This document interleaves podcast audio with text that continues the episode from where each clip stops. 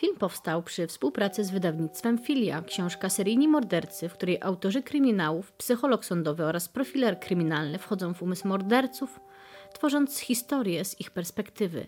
Znajdziecie tam między innymi historię Władysława Mazurkiewicza, określonego przez powojenną prasę jako eleganckiego mordercy.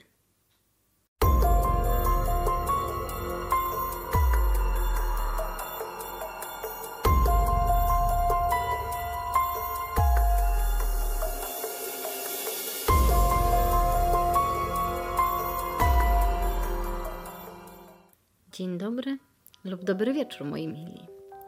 Witam Was na kanale Bez Fikcji, wcześniej znanym jako Zaburzenia Fikcji. I dzisiaj porozmawiamy sobie na temat eleganckiego mordercy, zwanego też zabójcą z kwiatkiem lub po prostu pięknym Władziem. Bo tak między innymi właśnie mm, Władysława Mazurkiewicza lubiła nazywać prasa. Bo wiecie, musiało się sprzedać mimo wszystko. I była to jedna z najgłośniejszych spraw kryminalnych lat 40. i 50. Ona generalnie dorównywała y, rozgłosowi przedwojennej sprawie Rity Gorgonowej, o której na pewno już słyszeliście, a jeśli jesteście na mojej grupie, to wiecie, że tak, tak, kiedyś zrobię ten materiał. No i chyba nikomu nie muszę mówić, kim jest Rita Gorgon. Czy ktoś jeszcze nie wie? W każdym razie. Yy, Przechodząc do tematu Władysława Mazurkiewicza, e, prasa uwielbiała właśnie nadawać mu taki przydomek związany z jego stylem bycia, stąd ten elegancki morderca, bo y, faktycznie trzeba wiedzieć, że Władysław lubił się dobrze ubrać, y, zachowywał się bardzo często dżentelmeńsko, elegancko, w ogóle nosił oczywiście też kwiatek w butonierce, uwielbiał szkarłatne róże, stąd też morderca z kwiatkiem. No i Pojawiała się też ksywka y, upiora krakowskiego, bo wiecie, każdy jakby kto zabija, to jakiś tam upiór, potwóry i inne takie różne przydomki lubią się imać. Y, generalnie no, żyło mu się dobrze, znaczy w tym czasie, w którym zabijał, y, żył w luksusowym apartamencie w centrum Krakowa. E, no, był przystojny, przypisywano mu wręcz urodę takiego amerykańskiego amanta tamtych czasów i no tak, jak gdyby to był wtedy ten typ urody, ten typ stylu, ten och, och i w ogóle, nie? Taki nasz trochę polski Ted Bundy bym powiedziała. Kobiety, którym się Mazurkiewicz nie podoba, to zaraz powiedzą, że czemu tylko z naszym Tedem porównujesz? Bo mogę. E, Generalnie facet pachniał zachodnimi perfumami i ja przypomnę, że to jest taki okres perelowski, więc y, to był luksus, to było coś. Y, uwielbiał brylować na salonach, y, w wytwornych kawiarniach, restauracjach i to nie do końca ludziom zgrywało się z obrazem kogoś, kto może być seryjnym mordercą. Zresztą też dalej się w odcinku dowiecie, że nie do końca to odpowiadało jego charakterowi, ale nie powiem Wam od razu wszystkiego. Po kolei. Generalnie jak wyglądało jego dzieciństwo i życie przed wojną. Urodził się 27 kwietnia 1911 roku w Krakowie. E, był dzieckiem e, Leona i Heleny Mazurkiewiczów. I jeśli chodzi o ojca, e, to był on zecerem w drukarni narodowej w Krakowie, czyli przede wszystkim wyspecjalizowanym składaczem czcionek oraz pozostałych części składowych. Brzmi jak czarna magia w tych czasach i jest to faktycznie niemalże wymarły zawód, ale mówię Wam, możecie sobie doczytać. Ciekawa sprawa swoją drogą. Z kolei jego matka Helena była kobietą niepracującą, ale spełniała się w marzycielstwie, ponieważ siedziała w domu, zerkała zapewne przez swe okno i marzyła o lepszym, wspaniałym życiu. Jakoś nie w smak jej było życie z zecerem, który fortuny nie zarabiał. I tak, gdy jej syn Władzio miał zaledwie trzy latka, yy, porzuciła go oraz męża, żeby zamieszkać ze swoim bogatym kochankiem Mariuszem K. w Warszawie. Jednak nie była specjalnie szczęśliwa. Znaczy, okazało się, że jednak marzenia o majątności nie dały jej tego, czego szukała i pewnego dnia zażyła śmiertelną dawkę morfiny gdzieś tam po jednej z kłótni z narzeczonym. Yy, wydarzyło się to w kamienicy przy ulicy Chmielnej 10 i kobieta niestety zmarła po przewiezieniu do szpitala Dzieciątka Jezus 29 listopada 1920 roku, mając zaledwie 29 lat. I jeśli jesteście młodzi, to myślicie, ej, 30 to już starość, ale no nie, nie bardzo. Generalnie y, Władzio był wychowywany przez y, drugą żonę swojego ojca, Stanisławę. Y, zresztą z tego, co tak wyczytałam, to faktycznie kobieta była no, w 100% zaangażowana w to rodzicielstwo. E, ale chłopiec już od dziecka miał dużo cech swojej matki. Bujał w obłokach, był marzycielem, e, dość skryty, przez niektórych określany jako mrukliwy, małomówny, mm, często się zamyślał i uwielbiał czytać kryminały. Marzył też, by zostać prawnikiem i jak gdyby wydaje się taki zamyślony marzyciel, no nie bardzo, tylko że Władek z wiekiem troszeczkę się zmienił, stał się taki bardziej uczynny, rozmowny, wiecie, szmery, bajery i te sprawy. E, I wybitnie inteligentny, ponieważ miał świetne oceny w szkole i wybrał się dzięki temu na studia na Uniwersytecie Jagiellońskim o kierunku prawo. No, wytrwał tam całe dwa lata. Bo wiecie, dla ludzi z jego intelektem nie było tam miejsca. E, ostatecznie ukończył trzyletnią szkołę poligraficzną i zaczął pracę w drukarni narodowej, podobnie jak jego ojciec. Tam pracował aż do wybuchu wojny. Oczywiście był lubiany, spokojny, przyjazny i taki w ogóle on en, jak to nasz Władzio. No jedną sobie ludzi swoim charakterem, bo z jednej strony, wiecie, mamy takiego trochę marzyciela, y, nieprzesadnie jak gdyby zagadującego swoim osobom, a zarazem umiejącego, umiejącego wchodzić w ciekawe interakcje społeczne. Y, no i zaczęło się jego ciekawsze życie, że tak powiem, y, bo jakby nie przemęczał się w pracy, więc miał czas na różne rozrywki, w tym szemrane interesy, bo już wtedy zaczynał gdzieś tam różne kombinatorstwa. Uwielbiał też oczywiście odwiedzać krakowskie knajpy. Zresztą Kraków do dziś dobrymi lokalami, z tego co mi wiadomo, stoi. Generalnie te nocne wojaże po mieście i pasja do hazardu yy, towarzyszyły mu już do końca jego życia. I jak gdyby, jeśli mowa o seryjnych mordercach, to zawsze w tym momencie zaczynam opowiadać o tym, jak ktoś zaczął się pastwić nad zwierzętami, albo interesowały go zwłoki, yy, lub tworzył jakieś takie niestworzone historie, yy, a tutaj tego nie ma. Generalnie nie było tu zafascynowania maltretowaniem zwierząt jak u Kuklińskiego, yy, czy ludzkim ciałem jak u doktora Holmesa. Agresja? Nie bardzo. To jest coś ciekawego, jeśli w ogóle chodzi o historię seryjnych y, morderców. Dość nietypowe. Władek, jak już wspomniałam, kochał życie w luksusie. Jak opisywał Tadeusz Boj Zieliński, jedno z jego ulubionych miejsc, karciarnia była w maleńkim Krakowie niby eksterytorialna ambasada potężnego szatana. Miało się uczucie, jakby za obróceniem pierścienia w bajce lub wymówieniem zaklętego słowa otwierał się sezam wzruszeń, przeżyć i nadziei. Brzmi ciekawie, czyż nie? Oczywiście chodziło tutaj o miejsce, gdzie odbywały się różne gry hazardowe tak zwany zielony stolik. Dlaczego o tym wspominam? E, jak wiadomo, zawsze to, co zakazane, smakuje najlepiej. Więc zarówno w okresie międzywojennym, jak i w latach okupacji i początków y, komunistycznej Polski wzrosła popularność takich miejsc jak domy gry. I mimo, że mieszkańcy Krakowa y, jak gdyby no wiedzieli, że to jest nielegalne, to jakoś tak nie bardzo mi to przeszkadzało, albo wręcz zachęcało. Czyli mamy Kraków, lata 40-50. Yy, każdy, no może nie każdy, ale mieszkańcy Krakowa, którzy mieli jakiś kapitał, jakieś pieniądze, cieszyli się zabawą w domach rozrywki, publicznych, kabaretach, nocnych klubach. A mimo wszystko hazard święcił wtedy swój największy triumf i Miejsca były różne. Część miejsc, gdzie odbywały się gry hazardowe, były eleganckie, wytworne, bogate, pełne przypychu. inne mieściły się w obskurnych piwnicach i jedne i drugie przyciągały różny typ ludzi. Oficjalnie oczywiście, tak jak powiedziałam, to było wszystko zakazane i zawsze pełne ludzi. Hazard był najpopularniejszą rozrywką, gromadził na co dzień po prostu tłum różnych, różniastych ludzi, którzy na co dzień w życiu nie podaliby sobie ręki na ulicy. Kogoś to zaskakuje? Hej, prohibicja działa świetnie.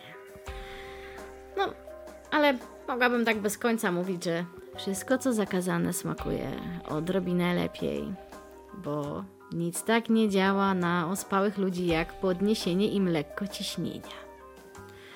No i wśród graczy, tak jak powiedziałam, byli wszyscy. Pozbawieni majątków ziemianie, mieszczuchy, bogaci reprezentanci palestry, lekarze, dorobkiewicze, y, szmalcownicy, y, niemieccy oficerowie, później ubecy, generalnie po prostu wszyscy. Karty, wódka, pojedynki jeść, pić, spać jak Tamagotchi. E, nagrodą oczywiście zawsze były pieniądze, no a gdzie mężczyźni, tam i eleganckie kobiety, zarówno damy do towarzystwa, jak i eleganckie żony serwujące drobne przekąski. Gracze w takich miejscach no, przychodzili, odchodzili, yy, głównie oczywiście najlepiej, tak? Odnajdywali się tam ludzie, którzy mieli hazard we krwi. Wydaje mi się, spora część społeczeństwa. Yy, I oczywiście, kto? Kto jak nie elegancki, przystojny amant, zawsze zadbany. Się tam odnajdywał? No oczywiście nasz Władzio, niczym amerykańska gwiazda. W latach 40. i 50. każdy, w każdym z krakowskich klubów niemalże znał jego nazwisko. Drugiego takiego, jak piękny Władzio, to na mieście ponoć nie było. No i te lata niemieckiej okupacji dla jednych, yy, wiadomo, były ogromną tragedią, tak? Bo było ciężko, tak? Ale Mazurkiewicz należał do tych, którzy radzili sobie przy każdej okazji i w każdej sytuacji. Potrafił doprowadzić do tego, że jemu żyło się dobrze. No i zaczął różne y, transakcje finansowe, zarówno z Niemcami, y, pośredniczył w różnych y, jakby hmm, handlach, różnymi towarami. Prawdopodobnie angażował się też w różne biznesy z Żydami, którzy oddawali swoje majątki, żeby ratować sobie życie. Hm, Władziowi. Generalnie nie ma dużo dowodów na jego działalność i na to, co robił, bo hej, Mówimy o kolesiu, który zabił 6 osób i tak trochę przypadkiem się wydało. Yy, no, dużo osób wspomina, że wzbogacił się on po 1941 roku, yy, czyli w momencie założenia krakowskiego getta. To troszeczkę podpowiada, zresztą on tam bardzo często bywał w latach 42-40, czy jakby ta jego majętność rosła, zresztą to były y, no, dość y, duże pieniądze, ponieważ mężczyzna fascynował się samochodami i to nie było tak jak y, teraz, że każdy ma samochód, tylko Władzie właśnie ten samochód miał. I to był nie lada sukces, co lepsze, zmieniał co jakiś czas ten samochód. A już uwierzcie mi, że w tamtych latach, jak się dorowało jeden samochód i się go miało, o wow, to było coś. A on te samochodziki sobie wiecie, zdobywał, wymieniał, kupował kolejny. Yy, rozbijał się po mieście, bawił się dobrze. Yy, no, nikt nie wiedział, czemu nie przeszkadza to jakoś specjalnie e, hitlerowcom. Yy, ale nikt nie określał go jakoś za bardzo y, kolaborantem. Oczywiście obgadywano go za plecami, że ma koneksje, że ma układy, y, ale cały czas zapraszano go na salony, czyli y, generalnie rosła jego popularność, sympatia do niego wraz oczywiście ze zwiększeniem się jego statusu majątkowego i mimo, że Y, no mówię, no, no tworzył tą taką całą cudowną aurę cudowności wokół siebie i obgadywano go za plecami, to dalej był jednym z nas, dalej był uwielbiany i lubiany, a nawet coraz bardziej. Oj, ojej, świat jest pełen hipokryzji. No, w każdym razie yy, Władzio zaczął też prowadzić działalność charytatywną y, w pewnym momencie, bo przez to, że interesował się samochodami, y, zatrudnił się jako instruktor jazdy oraz ekspert sądowy i przygotował różne, przygotowywał różne orzeczenia z zakresu motoryzacji. E, w ogóle Wpadzie sam siebie tytułował inżynierem. Hej, ten koleś miał klasę. E, no i tak jeździł z milicjantami na miejsca różnych wypadków drogowych, oczywiście non-profit. E, zresztą mm, współpraca ze służbami, o dziwo, jak na tamte czasy, spowodowała, że miał gorszą reputację na mieście. On tak po prostu kręcił się zawsze i wszędzie tam, gdzie mu dobrze będzie. Ha, więc jego pozycja rosła. Na koniec lat 40. XX wieku yy, pracował przez kilka lat również dla Polskiego Czerwonego Krzyża i wyruszył w Europę. Yy, tam pomagał wrócić yy, do kraju Polakom, którzy tego chcieli, po, pomagał załatwiać niezbędne dokumenty, formalności, organizował drogę do ojczyzny. No oczywiście tam musiał sobie dorobić, no bo dużej kasy przy tym nie zarobił, więc tam gdzieś sobie pohandlował walutą, tam coś przemycił. No oczywiście wiecie, no kobiety, romanse i tak dalej, no hej nie po to był taki elegancki. Y, no, mógł się wyrwać w ogóle z tej powojennej Polski i, i wynieść się do takich bardziej w tamtych czasach powiedziałabym cywilizowanych, no, rozwiniętych krajów, gdzie nie było tylu takich kajdan na rękach, y, ale on tak po prostu, wiecie, no, pobujał się, pobujał, ale żeby tam od razu zostać, to nie bardzo. Hmm. No i w opinii ludzi, ten nasz Władzio, ten pracownik Czerwonego Krzyża, to w ogóle był wrażliwiec. Kochał przyrodę, piękne przedmioty, doceniał architekturę, no taki człowiek, artysta. Sama chodząca, żywa dobroć. No i w tym całym obrazku, tego bujającego się po mieście, po świecie, po różnych krajach człowieka, nie bardzo pasuje żona. I za każdym razem, jak wracam do tej sprawy, a uwierzcie, już jakby różnych, różnych historii na temat Mazurkiewicza czytałam, y, czytałam jego biografię, y, powiedziałabym dwa razy, y, to ta żona za każdym razem gdzieś tam ginie w tle. Ona, ona oczywiście się pojawia, troszeczkę o niej opowiem, ale mm, ona ginie w tle, chociaż układy, ich stosunki były bardzo dobre.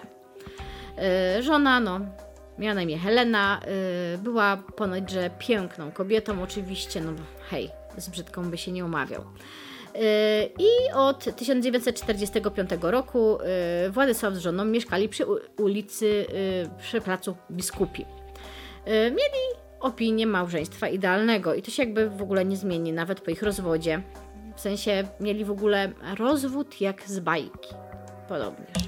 Po prostu rozwód idealny. A, co ciekawsze, Helenka po rozwodzie kolegowała się z jego kochankami.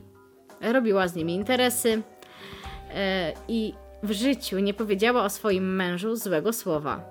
O, o byłym mężu też, bo to ten sam. Jeszcze łapieć.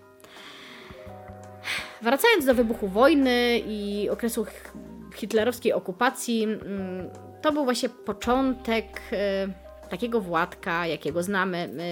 Generalnie dzięki znajomości z kapitanem Rudolfem Arnoldem z krakowskiego gestapo otrzymał legitymację fryzjera tajnej policji. Ta, fryzjerem też był. E, stało się to oczywiście przepustką do odwiedzania najdroższych hoteli i restauracji, czyli to, co już mówiłam wcześniej, jego ulubione miejsca. Mm, stał się też przez co za bardzo nietykalny, no bo wiecie, taki tam ulubieniec e, każdej ze stron. E, Oczywiście z kapitanem Arnoldem miał też różne lewe interesy, gdzieś tam sprzedawali złoto, wymieniali je na dolary i tak dalej. No, mm, został też społecznym inspektorem ruchu w milicji i ławnikiem w kolegium e, oraz instruktorem nauki jazdy. E, był w ogóle osadzony w środowisku Krakówka, bywalcem drogich restauracji i przyjacielem adwokatów. No, tu się zaczęły się pojawiać takie różne ciekawe znajomości. Oczywiście, no mówię, dalej jakby prowadził to swoje e, ciekawe życie, czyli kobiety, hazard i wymiana walut. W ogóle, no nie wiem, czy wiecie, na ile się tam orientujecie, jak to było w tamtych czasach, ale faktycznie e, najbardziej w cenie były dolary, zresztą była do współczesnych memów, to się też przedostało i złoto. I to były dwa typy najbardziej szemranych i dochodowych interesów. Y, ale handlował w ogóle wszystkim, butami, skórą, y, która była deficytowym towarem w tamtych czasach, a zawsze wiadomo, że cenioną. Y,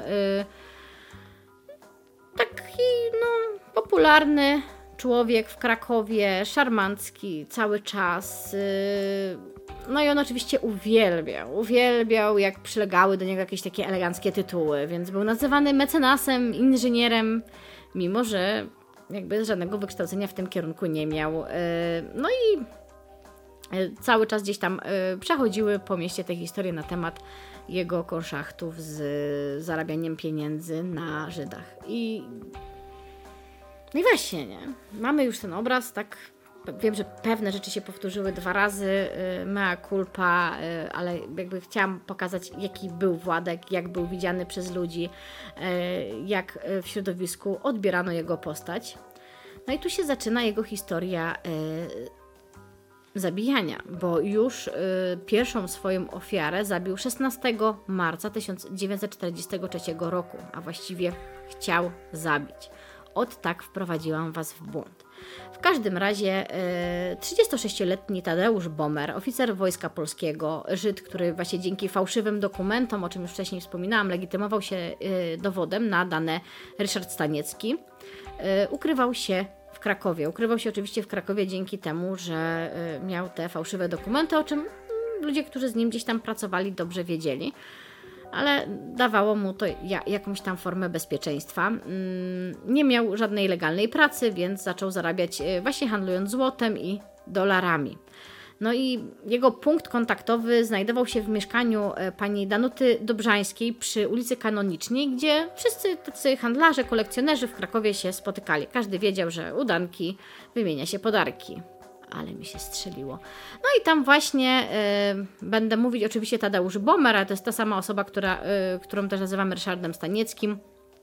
Poznał w tym mieszkaniu y, u pani Danuty Mazurkiewicza.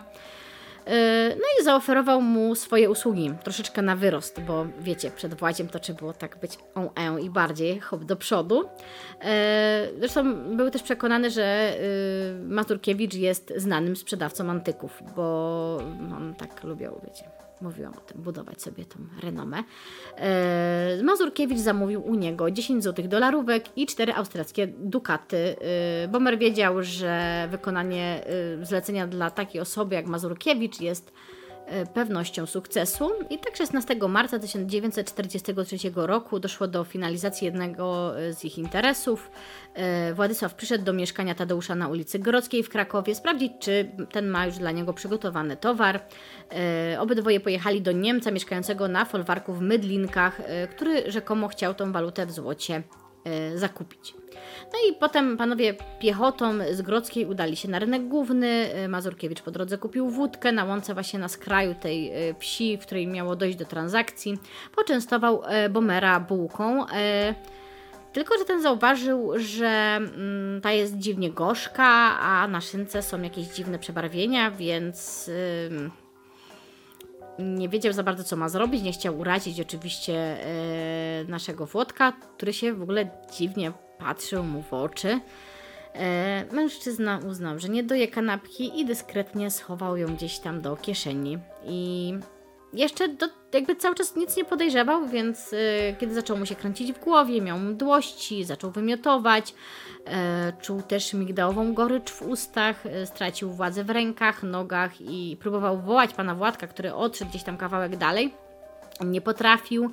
E, w pewnym momencie zorientował się, że Mazurkiewicz przypatruje mu się z zawału i że to raczej nie od wódki się tak czuje. Mm, jakimś cudem udało mu się dotrzeć do pierwszego napotkanego po drodze domu, e, gdzie gospodarze na szczęście mu pomogli i jak sam później zeznawał, tutaj sobie pozwolę na cytat, ponieważ on świetnie oddaje jak gdyby to, co się wtedy działo. Sekundka.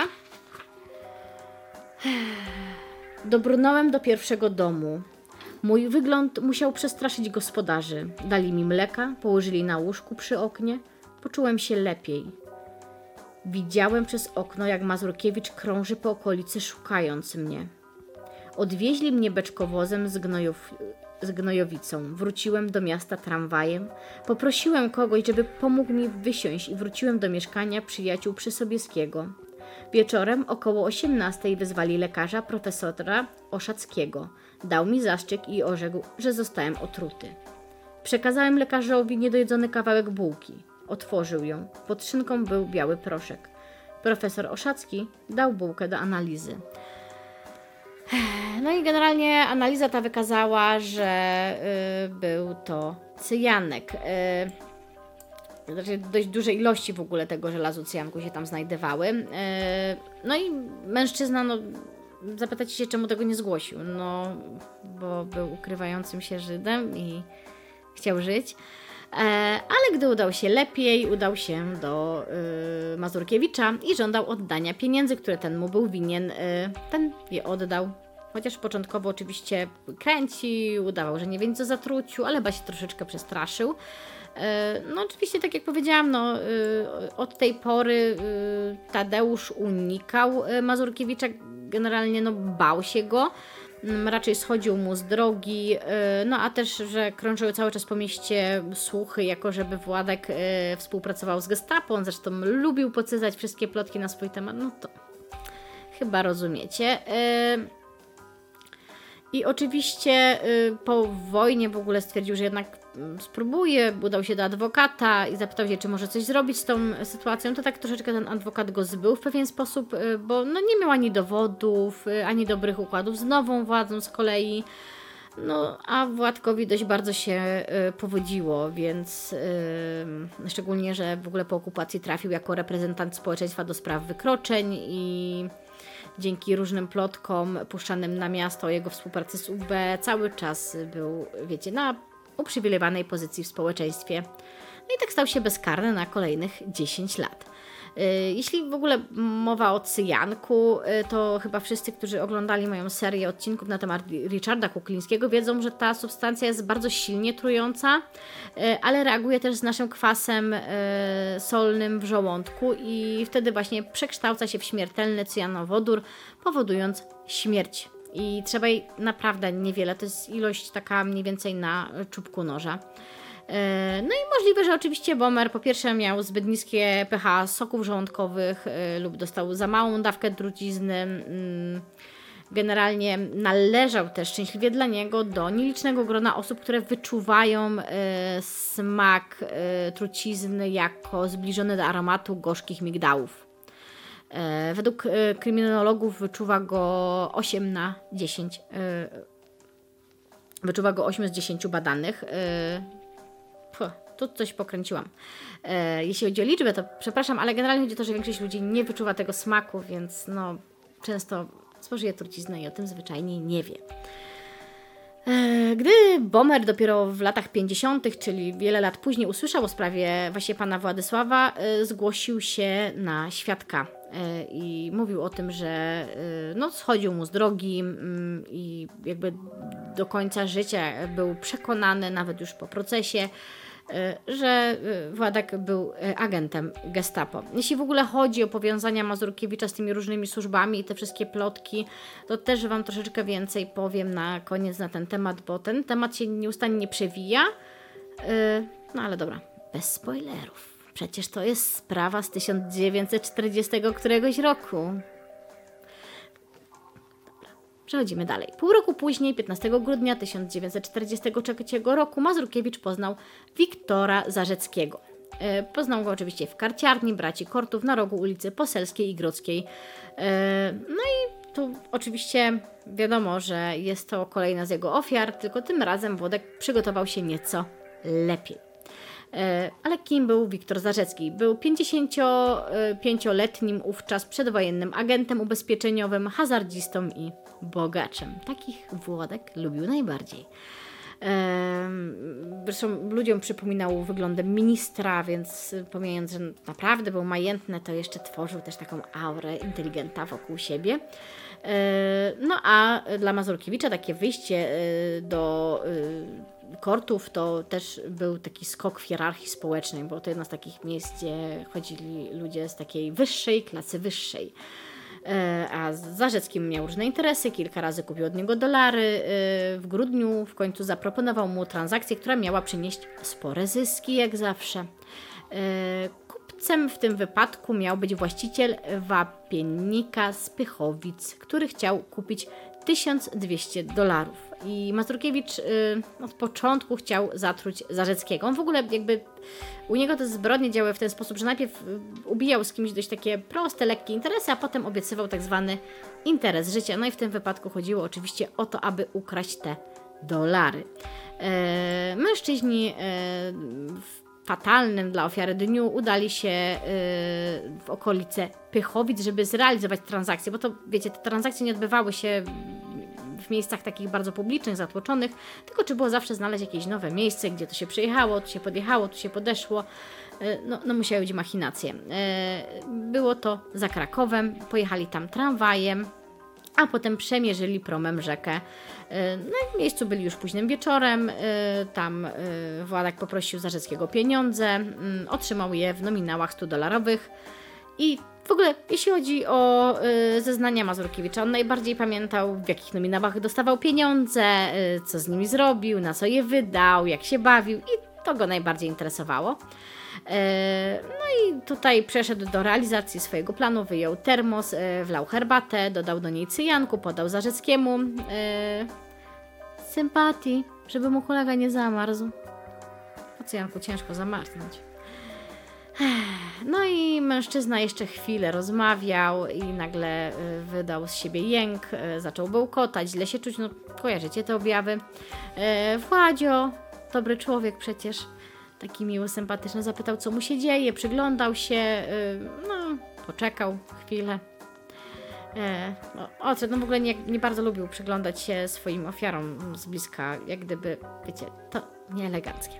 E, no i po chwili podszedł do mężczyzny, szturchnął ciało nogą, przeszukał kieszenie, e, znalazł tam skórzany portfel, a w nim 6 tysięcy złotych, kenkartę oraz inne dokumenty no i oczywiście dokumentów zawsze się gdzieś tam pozbywał, zwłoki zaciągnął na brzeg rzeki, e, włożył do łódki e, i odepchnął ją jak najdalej, e, żeby popłynęła z prądem Wisły.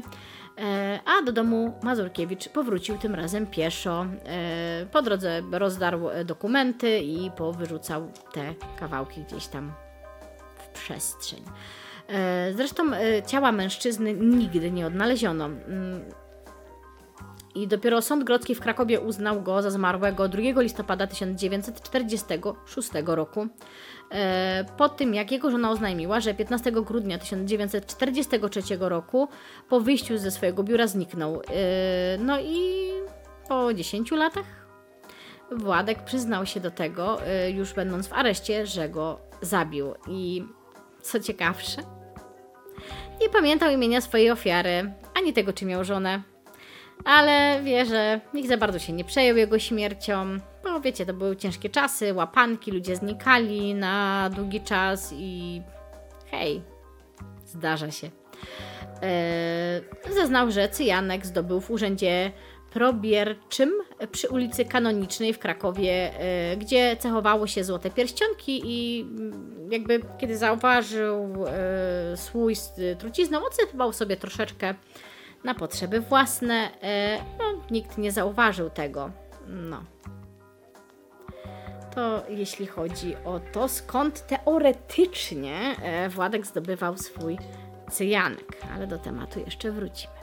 E, na koniec czerwca 1945 roku Mazurkiewicz kupił pod Wrocławiem w Środzie Śląskiej broń. Zakupił ją zresztą od oficera wojskowego, był to Walher kaliber 7,65 mm z nabojami i wydał na to jakieś 1500 zł. E, ukrył e, broń w bagażniku do pierwszego wypadku, jak to sam określił. Wypadeczek taki.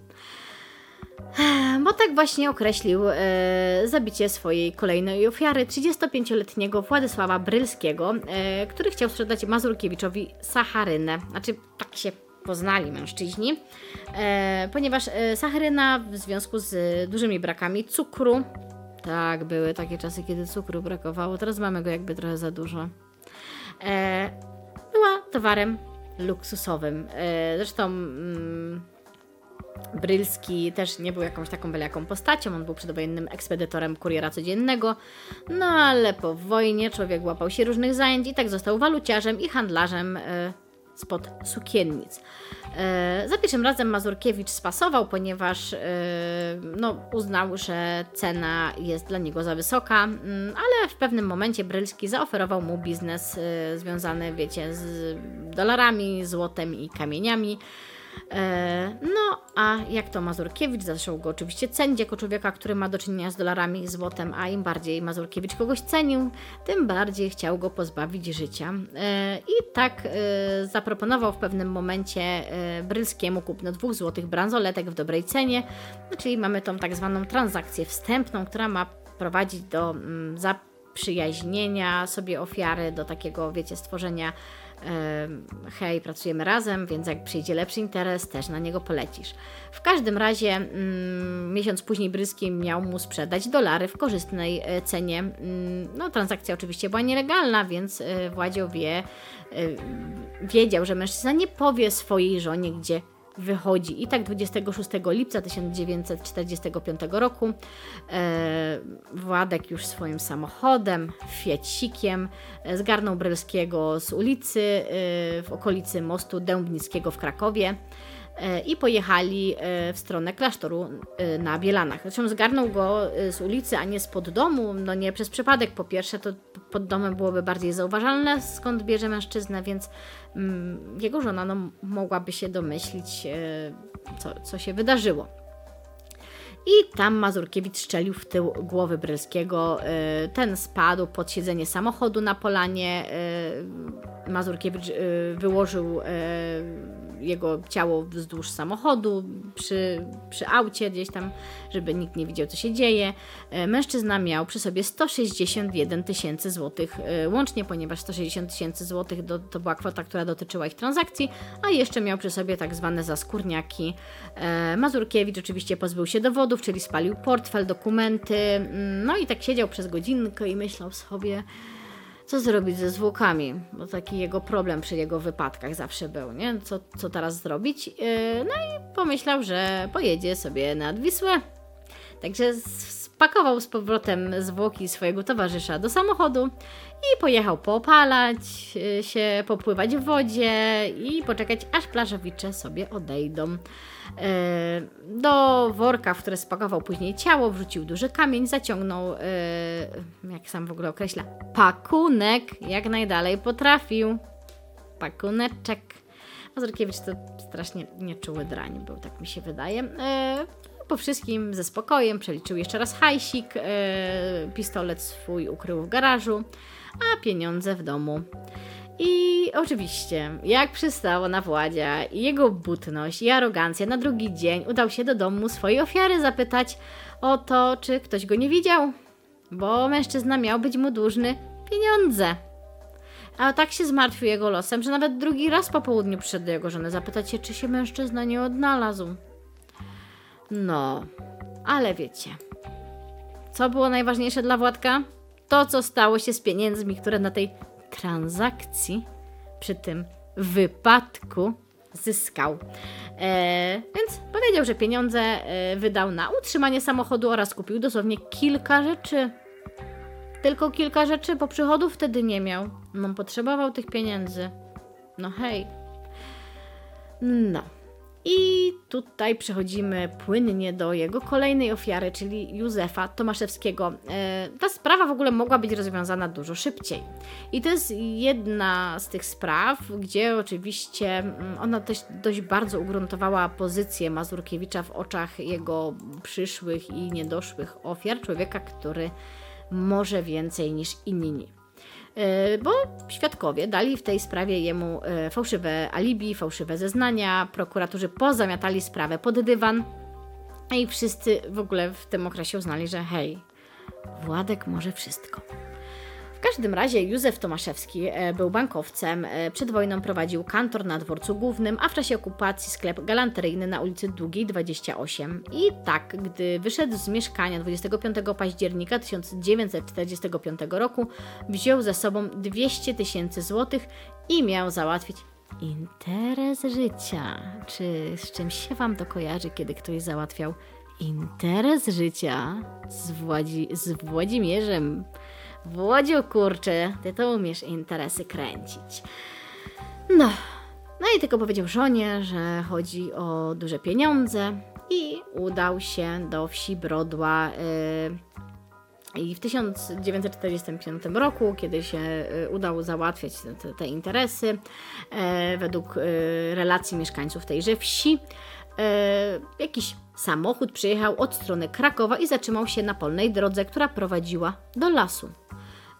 No a w tamtych czasach, tak jak już powiedziałam, samochód, szczególnie w dobrym stanie, budził spore zainteresowanie E, zwłaszcza, że to nie był, wiecie, samochód wojskowy, żandarmeryjny i tak dalej, tylko był to nowy samochód i elegancki facet w nim.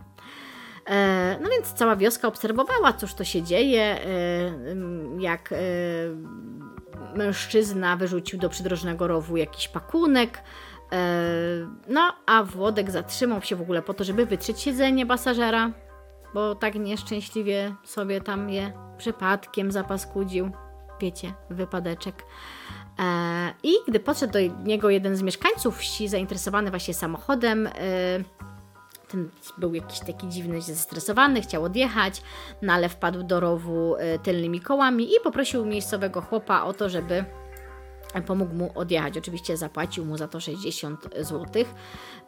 No, później mieszkańcy wsi Brodeł znaleźli zwłoki i tak następnego dnia, 26 października, krakowski Wydział Kryminalny rozpoczął poszukiwania kierowcy, który krążył po wsi. No i zadanie było łatwe, sprawa niemalże wygrana, bo jeden z mieszkańców wsi zapisał nawet numer rejestracyjny samochodu A26064. Te. Mhm. Któż by to mógł być? Ale, ale to brzmi jak już po prostu z góry przegrana sprawa. No, no, no, no. Eee, oczywiście, w międzyczasie, w dniu zaginięcia jednego z wypadków, dużo osób przychodziło do żony eee, naszego Józefa i pytało się o mężczyznę, w tym sam Władek. Jak on lubiał te żony odwiedzać po wszystkim. E, zresztą bardzo zapamiętała go, bo on był taki zatroskany i zmartwiono jej męża. E, no, przyjaciel, nie? prawdziwy przyjaciel. E, ale e, przez kilka dni jakby nic się nie działo. Dopiero kilka dni później ktoś e, odezwał się do Władka, był to konkretnie major Tomaszewski. Spotkali się właściwie przypadkiem na ulicy w Krakowie i mężczyzna się bardzo ucieszył, bo przecież Władek tak świetnie się zna na motoryzacji i może pomoże mu odnaleźć mordercę, bo mają go już prawie na widelcu. Prawie, że na widelcu. Samochód, hej, nawet rejestracja jest. E, Władek się troszeczkę wystraszył, e, bo uświadomił sobie, gdzie się znalazł i e, bardzo szybko zaczął budować sobie linię obrony. Zresztą wynajął od razu mecenasa Henryka Walisza i tłumaczył, że oczywiście on jechał tamtą drogą do zakonu Bernardynów Alverni, E, ale to jak gdyby, hmm, mm, no tylko tyle, nie? E, I że nie był w ogóle sam, bo alibi zapewniła mu wtedy Agnieszka e, Reichen, Reisenhorst Reis, pracownica krakowskiego Polskiego Czerwonego Krzyża. No i oczywiście ona też zeznała, że młoda, piękna kobieta, że mu towarzyszyła w drodze do tego zakonu, a mieli odwiedzić ojca Serafina Potocznego. E, we dwójkę i według zeznań tejże Agnieszki w drodze powrotnej e, wpadli oczywiście tylnymi kołami do rowu i umorzyli śledztwo. Tak, tak. No, tak ładnie. Śledztwo zostało umorzone. E, no, jakby cała sytuacja była też troszeczkę śmiesznie tłumaczona, bo e, według prokuratora 25 października 45, e, dobrze pamiętam, e, tak, 45 roku e, we wsi Brodło. We wsi Brodło 25 października 45 roku przypadkiem przejeżdżały dwa dokładnie takie same samochody. Just saying, just saying. I tak dziwnym zbiegiem okoliczności jeden należał do Mazurkiewicza, a drugi yy, do mordercy. I obydwoje wpadli z samochodami do rowu. Hej, co za wieś przypadków. Ja tam nie jadę. No, Ale biedny chłopina, jak to na Mazurkiewicza przystało, e, swoje 220 tysięcy złotych wydał na grę w karty i honory dla adwokatów. Więc ej, on za dużo z tego nie miał, tak? Jak gdyby on wręcz był ofiarą w tej całej sprawie. Cały w ogóle ten proces no to była jedna wielka porażka y, dla wymiaru sprawiedliwości. Zresztą y, tak, y, świadkowie po latach bali się zeznawać, bo oczywiście zeznanie przeciwko Mazurkiewiczowi wtedy uchodziło za niebezpieczne. E, bo miał dobre koneksje, e, w ogóle mm, tam, tam, tam w ogóle było jakieś tak w ogóle wesoło, wiecie, bo tam w trakcie jak gdyby tego jakiegokolwiek przesłuchiwania, to Władek w pewnym momencie e, zastąpił maszynistkę, żeby on spisywał fragmenty zeznań świadków. No, hej, to, to był cyrk na kółkach, w ogóle wszystko odbywało się w jakiejś knajpie, tam przy alkoholu, no, o wow, to, to była piękna historia. Kolejną ofiarą e, naszego Władka był Jerzy de Lavo. E, generalnie jeśli chodzi o modus operandi Władka, to ono jest dość typowe, e, ale każde jego morderstwo ma taką troszeczkę inną historię, powiedziałabym. Jeśli chodzi w ogóle o Jerzego, to jego teczka była dość cienka. E, dużo tam było listów jego brata Wacława. E, w ogóle Jerzy i Włodek e, byli sąsiadami, mieszkali w tej samej kamienicy przy ulicy Biskupiej 14 na czwartym piętrze. Jerzy de Lawo nie był byle kim, bo on był potomkiem szlacheckiej rodziny, przedwojennym oficerem Wojska Polskiego. W czasie okupacji w ogóle pomnożył rodzinny majątek na handlu z Niemcami. Miał antyczne obrazy, dywany, złoto, biżuterię, dolary, y, no i chciał robić interes na skórze podeszwowej. 29 maja 1946 roku żona Jerzego Jadwiga pojechała w odwiedziny do siostry do Warszawy. I właśnie wtedy to Jerzy wyszedł z domu i już nigdy do niego nie wrócił. Yy, sprawą bardzo interesował się jego brat, przewodniczący Sądu Pracy w Katowicach. Yy, prosił yy, regularnie o pomoc w dołożeniu starań o odnalezienie brata, również u prokuratora okręgowego w Krakowie. A co tak naprawdę działo się, kiedy wszyscy Jerzego y, poszukiwali. Oczywiście y, wciągnął go w interesy nie kto inny jak y, Władysław Mazurkiewicz. Y, miał mu załatwić y, tą y, skórę podeszwową, którą handlował. I miała być ona do odebrania w klasztorze w Bielanach. Musiał zapłacić za nią jedyny milion złotych zadatku. E, Mazurkiewicz e, w ogóle zanim przeszedł do interesów z Jerzym, odwiedził, e, odwiedził Tadeusza Zajdla, odebrał od niego swój pistolet, który podrzucił w obawie przed rewizją po zabiciu Tomaszewskiego, no i już był gotowy na robienie interesów.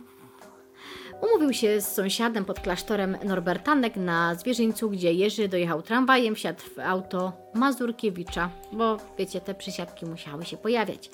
E, rozmawiali między innymi o tym, że Jerzy ma przy sobie pechowy tysiąc złotych, e, jakiś taki w ogóle nieszczęśliwy banknot, który pecha mu przynosił, ale stwierdził, że i tak go ze sobą zabierze.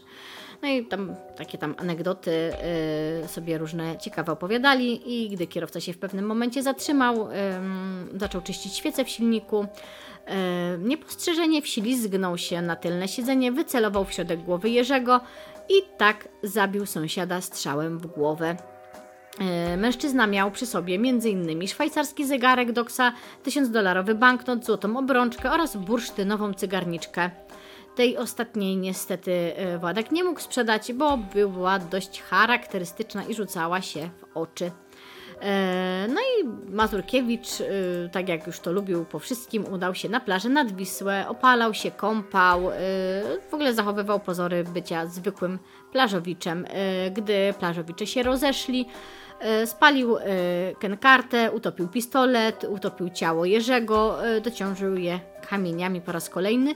No i gdy mężczyzny nie odnaleziono przez jakiś czas, zaczęły oczywiście krążyć plotki i były to plotki o jego rzekomej ucieczce przed E, komunistami za granicę e, lub ewentualnie jakimś tam zaginięciu e, związanym ze sprawą ze skórami.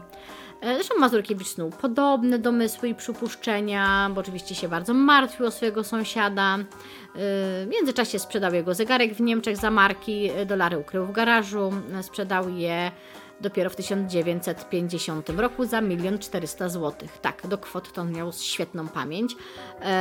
No, a najbardziej co martwiło naszego eleganckiego mordercę w całym tym zajściu? Tak, że część pieniędzy przerżnął w karty. I to były prawdziwe jego problemy. No, yy, po tym zabójstwie najprawdopodobniej nasz elegancki morderstwa, yy, morderca prawdopodobnie przestał zabijać na kolejnych kilka lat yy, i na pewno nie ma dowodów na to, że wtedy zabijał. Yy, no i oczywiście wiem, że wokół jego rzekomych ofiar i ilości tych ofiar krążą po prostu miejskie legendy takie, że ho, Raczej nie mają one zbyt wiele wspólnego z faktami, e, gdyż bardziej kierowała nim rządza pieniądza e, niż mordu. I to jest chyba widać już e, w tych sprawach, które Wam opisałam, że on nigdy nie patrzył ofierze w oczy, raczej się odsuwał, raczej się oddalał, chciał załatwić sprawę, wziąć pieniądze i robić swoje. No, w każdym razie najprawdopodobniej mówię, w tym czasie nikogo raczej nie zabił i właśnie to był ten czas, kiedy pracował w Czerwonym Krzyżu czyli bujał się po całej Europie. Eee, zatrudnił się później jako przedstawiciel handlowy wytwórni win, awansował na instruktora Polskiego Związku Motorowego eee, i w tym czasie również orzekał w kolegium karno-administracyjnym. Eee, no i został ekspertem od motoryzacji, o czym mówiłam już wcześniej. Generalnie był w tym czasie w Krakowie powszechnie znany i lubiany. No i kolejna ofiara Władka. To był dopiero 1955 rok. I nie zgadniecie, ale kolejną y, jego ofiarą była żona y, naszego Jerzego, Jadwiga Delewo. Kobieta oczywiście szukała przez lata męża, ale w końcu jak gdyby no troszeczkę jakby o nim zapomniała, podobnież szybko się miała pocieszyć, ale to też jest, wiecie, z zeznań eleganckiego mordercy, więc ciężko to określić. W każdym razie 50-letnia Jadwiga e, nazywana była Basią, e, a Włodek, jak to Włodek, e, zgodnie ze swoją gracją zdobył zaufanie również jej. E, zaufała mu na tyle, że e, raz na przykład dała mu pieniądze na przechowanie, zresztą dawała na przechowanie również różne kosztowności, futro i złoto, ponieważ na przykład ostrzegł ją kiedyś przed domniemaną rewizją w jej domu, żeby ją sobie jeszcze bardziej zjednać. Zresztą nasz Władek, jak to określił, że była to elegancka kobieta i niczego sobie? W pewnym momencie wyznał jej uczucie, a nawet obiecał małżeństwo. I wyobraźcie sobie, że to zła kobieta była. Bo między nimi było tak dobrze i tak cudownie, a ona upominała się o swoje dolary. No jak mogła? A on przecież je wydał, bo miał wydatki. Hej, trochę kultury. I tak, 16 maja 1955 roku zaprosił kobietę do siebie, do swojego garażu, e, w którym miał przygotowany kącik do przyjmowania gości. W ogóle ten jego kącik to obrósł w legendę, ponieważ kiedy on już tam ze swoją żoną tak nie terere do końca, to w garażu stworzył sobie taki elegancki kącik, gdzie przyjmował gości. On był na tyle elegancki, że kobiety również tam z chęcią przychodziły. I tak, e, zachodząc kobietę z tyłu, zabił ją strzałem w tył głowy.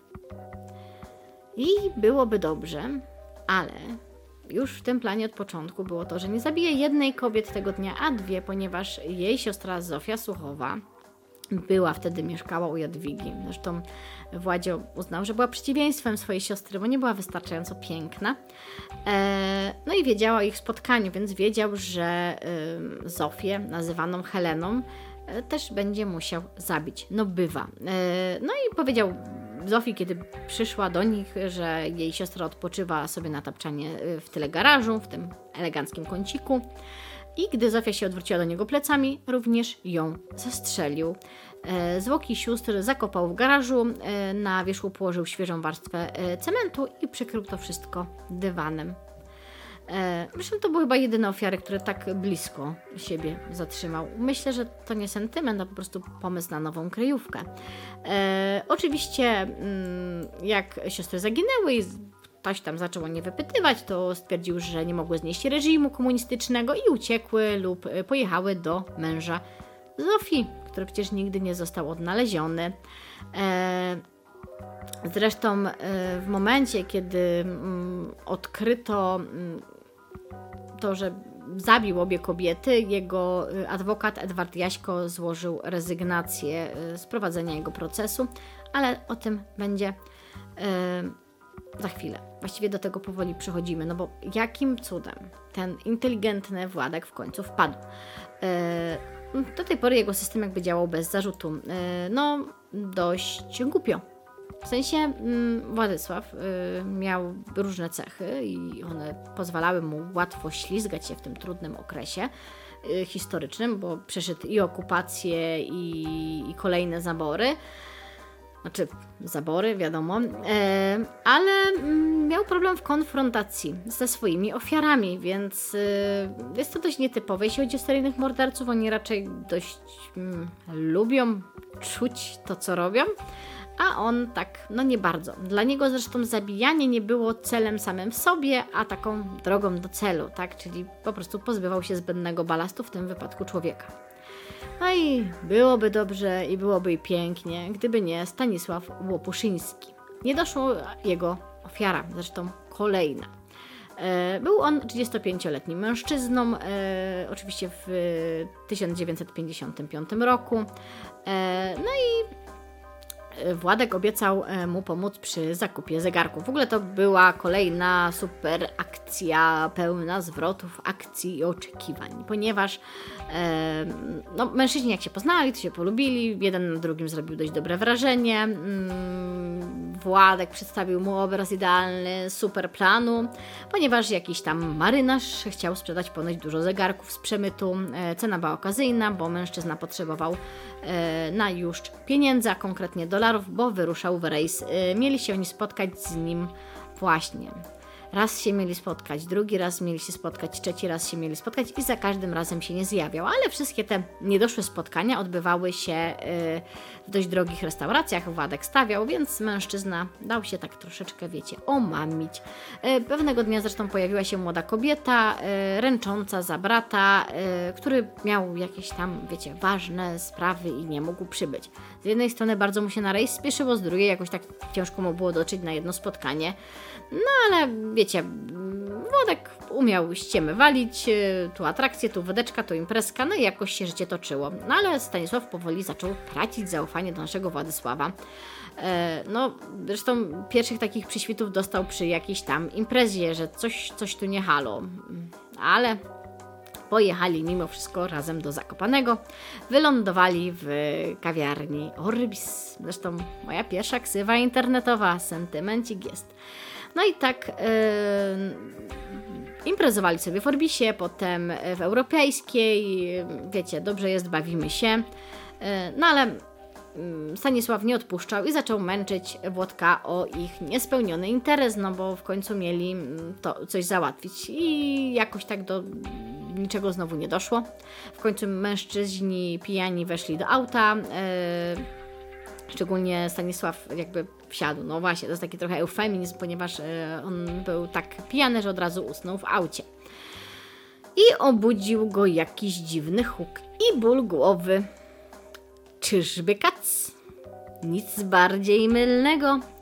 Władek jednak szybko uspokoił swojego kolegę, że dla żartu strzelił z żabki, czyli wyszczelił jakąś tam petardą. E, no, oczywiście mm, mężczyzna się wściekł, trochę pomarudził, że co to za głupie pomysły i tak dalej. Ale w życiu by mu nie przyszło do głowy, że w jego głowie y, z tyłu tkwi kula. I nawet nie domyślił się, kiedy poczuł z tyłu głowy y, jakąś y, lepką maść. No ale wiecie, trzeźwy to nie był. Władek oczywiście go zagadał, odwrócił go to ogonem, zawiózł nawet do lekarza, żeby opatrzyć niewielką ranę. Na pogotowiu w ogóle lekarz stwierdził, że jest to rana tłuczona głowy od kamienia. Nie bardzo to był chyba w stanie Wadek wytłumaczyć, ale jakoś poszło ośle, jakoś poszło.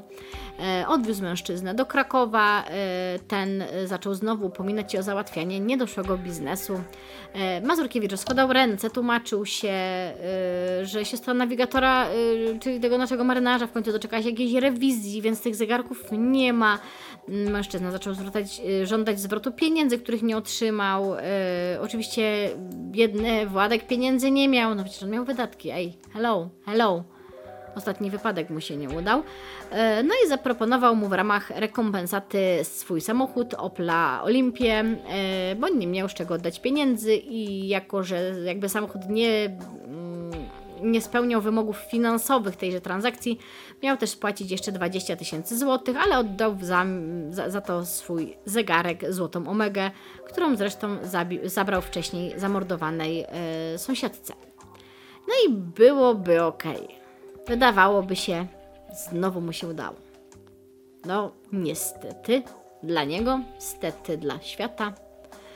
Stanisław, wracając do Warszawy, odczuwał coraz e, intensywniejszy ból głowy. Mm, Zresztą nie mógł za bardzo uwierzyć, gdy w szpitalu e, po prześwietleniu okazało się, że w jego głowie tkwi pocisk z broni kaliber 6,35 mm, który zatrzymał się na jego kości potylicznej. I gdy zaczął go przesłuchiwać posterunkowy Józef Romanowski, nie był w stanie początkowo wyjaśnić, skąd wzięła się ta kula. Hm. No ale w końcu e, policja zainteresowała się Mazurkiewiczem. E, no i, i zaczęła grzebać w sprawie.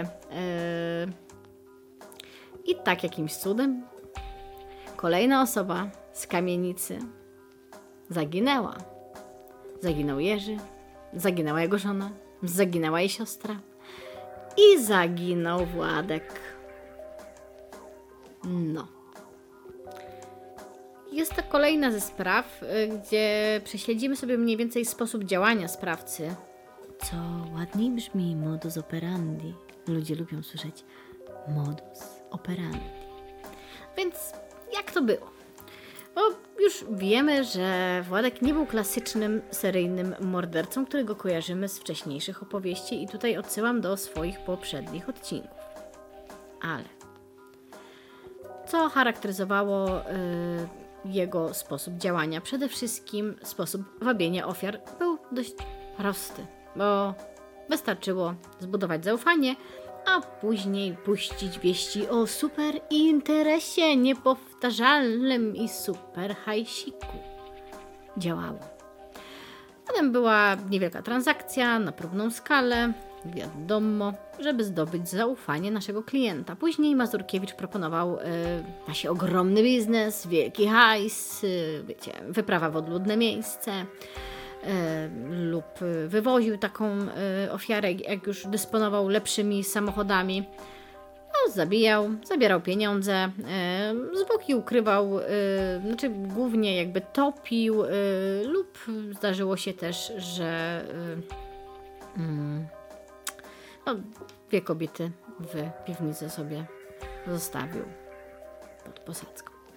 E, zabijał w różny sposób z jednej strony, z drugiej zawsze to było dość charakterystyczne, czyli czy, czy to była trucizna, czy ym, była to broń.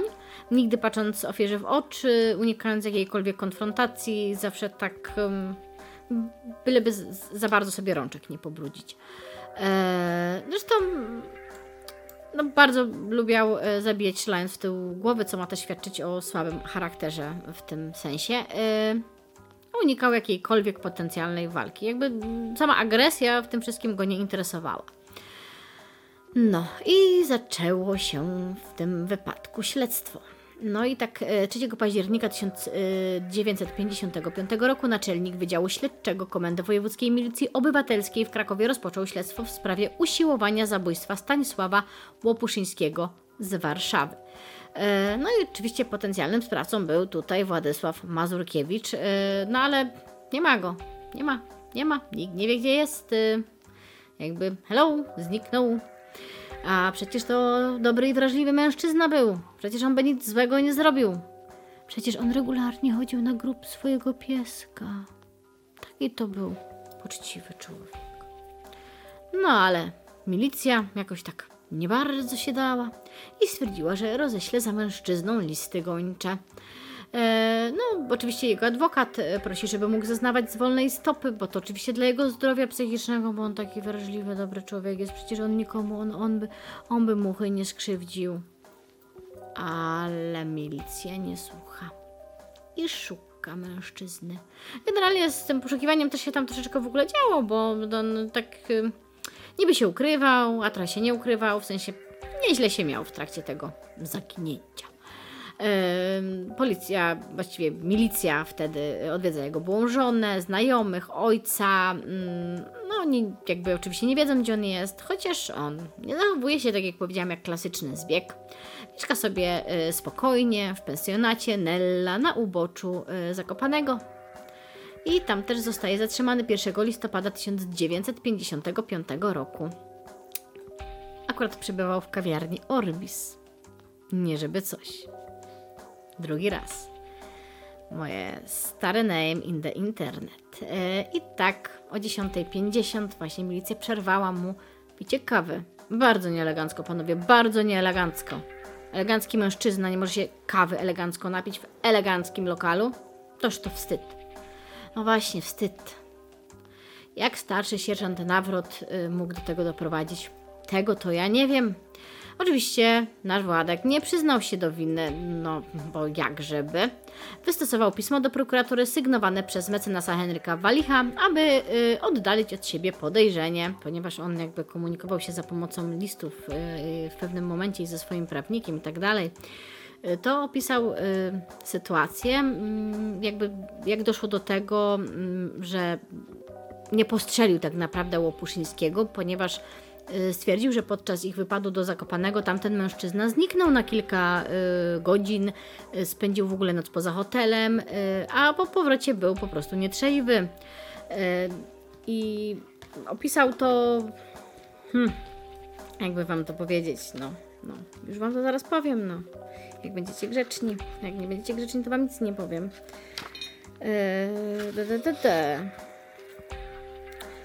Jesteśmy na miejscu. E, powiedziałem, że się bardzo z tego cieszę i że trzeba było tyle nie chlać. Już go potem nie ruszałem, tylko od czasu do czasu wołałem: Panie Staszku, nie śpi pan. Na co mi opowiadał stękaniem i słowami: Oj, panie Władku, ale mnie ta głowa boli, i znowu zasypiał. Po przejechaniu chabówki zaczęło się robić jasno, dzień był pochmurny. Na górze, gdzie szosa przechodziła przez tak zwaną przełęcz zbójecką, Łopuszyński nagle się ocknął i powiedział: Niech pan stanie, panie Władku, będę żygał. Stanąłem. Zaczął wymiotować i cały się trząść. I tak dalej, i tak dalej. Tłumaczył właśnie w tym liście w bardzo wiarygodny sposób, yy, że przecież ma dobrą opinię na mieście, a pan, yy, którego wiózł, był taki pijany i on w ogóle nie wiadomo gdzie był i, i tak dalej, i tak dalej. No i no, wszystko było, było okej, okay, nie? E, tylko ta nieszczęsna kula w głowie, skąd się wzięła. Mm, no ale Mazurkiewicz mimo wszystko musiał zostać w areszcie. E, no, jego e, prawnik w ogóle był w szoku, kiedy ten nagle przyznał się w ogóle do przestępstw. Wiecie, hej, jakby jednak, jednak jestem winny. Znaczy, nie byłem, ale jednak jestem i w ogóle u niego z tymi przyznawaniami się i nieprzyznawaniami się do winy to w ogóle było dość tak wesoło, bo raz uważał, że wszystko zrobił i nawet y, jakby opowiedział o ofiarach, y, o którego do końca nie podejrzewano. Mm, potem, że to jednak nie on, ktoś inny. No cóż, doszło w pewnym momencie w każdym razie do przeszukania mieszkania na ulicy Biskupiej 14 oczywiście oraz garażu y, przy ulicy Marchlewskiego 49 i no, właśnie tam to, taki słynny garaż, nie z takim kącikiem gościnnym. E, no i pierwsza rewizja garażu nic nie wykazała, ale 13 grudnia 1955 roku po raz kolejny przeszukano garaż i kiedy tak bardzo go dokładnie centymetr po centymetrze przeszukiwano, e, śledczym rzuciła się w oczy taka nieco jaśniejsza plama betonu na posadce, no i stwierdzili, że będą kuć. A jak zaczęli kuć, to odkryli zamurowane ciała dwóch sąsiadek Mazurkiewicza. No i ten następnego dnia w trakcie przesłania przyznał się oczywiście do tych zabójstw. Yy, utrzymywał, że zabił siostry, ponieważ przekazały mu sporą część swoich yy, precozjów, różnych tam pieniędzy i tak dalej, a on je przechulał i nie był w stanie oddać. No i co się działo dalej? Ano, kiedy mężczyzna przyznał się do jednego, drugiego, trzeciego, czwartego zabójstwa, zaczęto przypisywać mu kolejne, no bo skoro znalazł się ktoś, kto zabijał więcej niż raz, no to zaczęło się przypisywanie mu też niewyjaśnionych zaginięć i spraw nierozwiązanych. Powiedzielibyście, że to milicja, to głównie media po raz kolejny ścigały się w tym, kogo to pan Władek miał nie zabić. No i tak doszło do pogłosek o około 30 ofiarach. Mm, e, przedostały się one tak bardzo do powszechnego myślenia, że funkcjonują obecnie w mainstreamie i również na Wikipedii znajdziecie ten błąd. W ogóle jeśli chodzi o Mazurkiewicza, tak jak czasami, spoko, Wikipedia, ej, może być spoko, znaczy nie jako jedyne źródło waszej wiedzy, ale może być ok? To tutaj, łomatko, jeśli jest jakiś mit o Mazurkiewiczu i nie ma go na Wikipedii, to gdzie on jest? No, tak bym to opisała. No i tak, właśnie media zaczęły prześcigiwać się w rozsiewaniu tej, tej informacji i dezinformacji. A myślicie, że to tylko pudelek. A pudelka jeszcze nie było. Prokurator próbował mu przypisać e, mniej więcej dwa morderstwa, które, których mógł się dopuścić i było to morderstwo Krystyny Robniak z Krynicy, która wyszła w czasie okupacji z domu z torbą pełną pieniędzy i nie wróciła oraz Heleny Parafińskiej z Krakowa, która zaginęła w podobny sposób, e, tylko z tysiącem dolarów. Tylko, że no, nie, nie, udało się udowodnić tego przestępstwa. On się też zresztą do niego nie przyznał, a dlaczego dano wiarę jego zeznaniom, no to za chwileczkę. E, śledczy w ogóle e, w trakcie śledztwa rozkopali jeszcze e, grup jego psa, bo pomyśleli, że może dlatego tam tak chętnie chadzał. Ale okazało się, że nic tam poza zwłokami psa nie było. Adwokat Mazurkiewicza zrezygnował w momencie, gdy odkryto zwłoki Zofii i Jadwigi. Trochę się mu nie dziwię. To już była sprawa beznadziejna. Tak, obrońcą Mazurkiewicza został adwokat 84-letni Zygmunt Hofmokl Ostrowski. I pozwolę sobie mówić po prostu mecenas Ostrowski. Nie pytajcie dlaczego. Przecież świetna jestem w wymawianiu jego pierwszego nazwiska. Hofmokl. Lol. No i ten pan. Nie tylko nazwisko miał ciekawe, bo tupet i charakter. Moi drodzy, moi drodzy, takich adwokatów już nie ma, tylko w serialach. O każdego klienta walczył do ostatniej kropli krwi. Taki adwokat do spraw beznadziejnych. Hmm, mijocie. I tak, w styczniu 1956 roku sprawę eleganckiego mordercy przejęła Komenda Główna Milicji Obywatelskiej, a sam Mazurkiewicz został przewieziony z Krakowa do aresztu na ulicy Rakowieckiej w Warszawie. No i oczywiście sprawą zajmował się nasz cudowny mecenas Ostrowski. Ale nie bardzo też wiedział, dlaczego Mazurkiewicz nagle przyznał się do winy i opisał wszystkie swoje morderstwa w liście. I ten list został dołączony do akt sprawy. Hej, jestem Mazurkiewicz, będę robił różne rzeczy. I tak przyznał się do zabójstwa Jerzego Delevox yy, oraz Wiktora Zarzeckiego, o które nikt go do tej pory nie podejrzewał. No, zarzucało się mu oczywiście yy, też zabójstwa obu wymienionych kobiet, ale tego nikt mu nie udowodni. Zresztą yy, nie było tam żadnych y, podstaw do oskarżenia. E, zresztą uwierzył mu w to, w jego słowa, że ich, tych kobiet nie zabił Mazurkiewicz, między innymi dochodzeniowy Tadeusz Jurak, dlatego, że właśnie wiedział, że przyznał się do spraw, których mu wcześniej nie zarzucono. Zresztą był to etap, kiedy Władek stwierdził, że hej, teraz będę z wami współpracował. Może nie do końca, może nie za, na zawsze, ale jednak.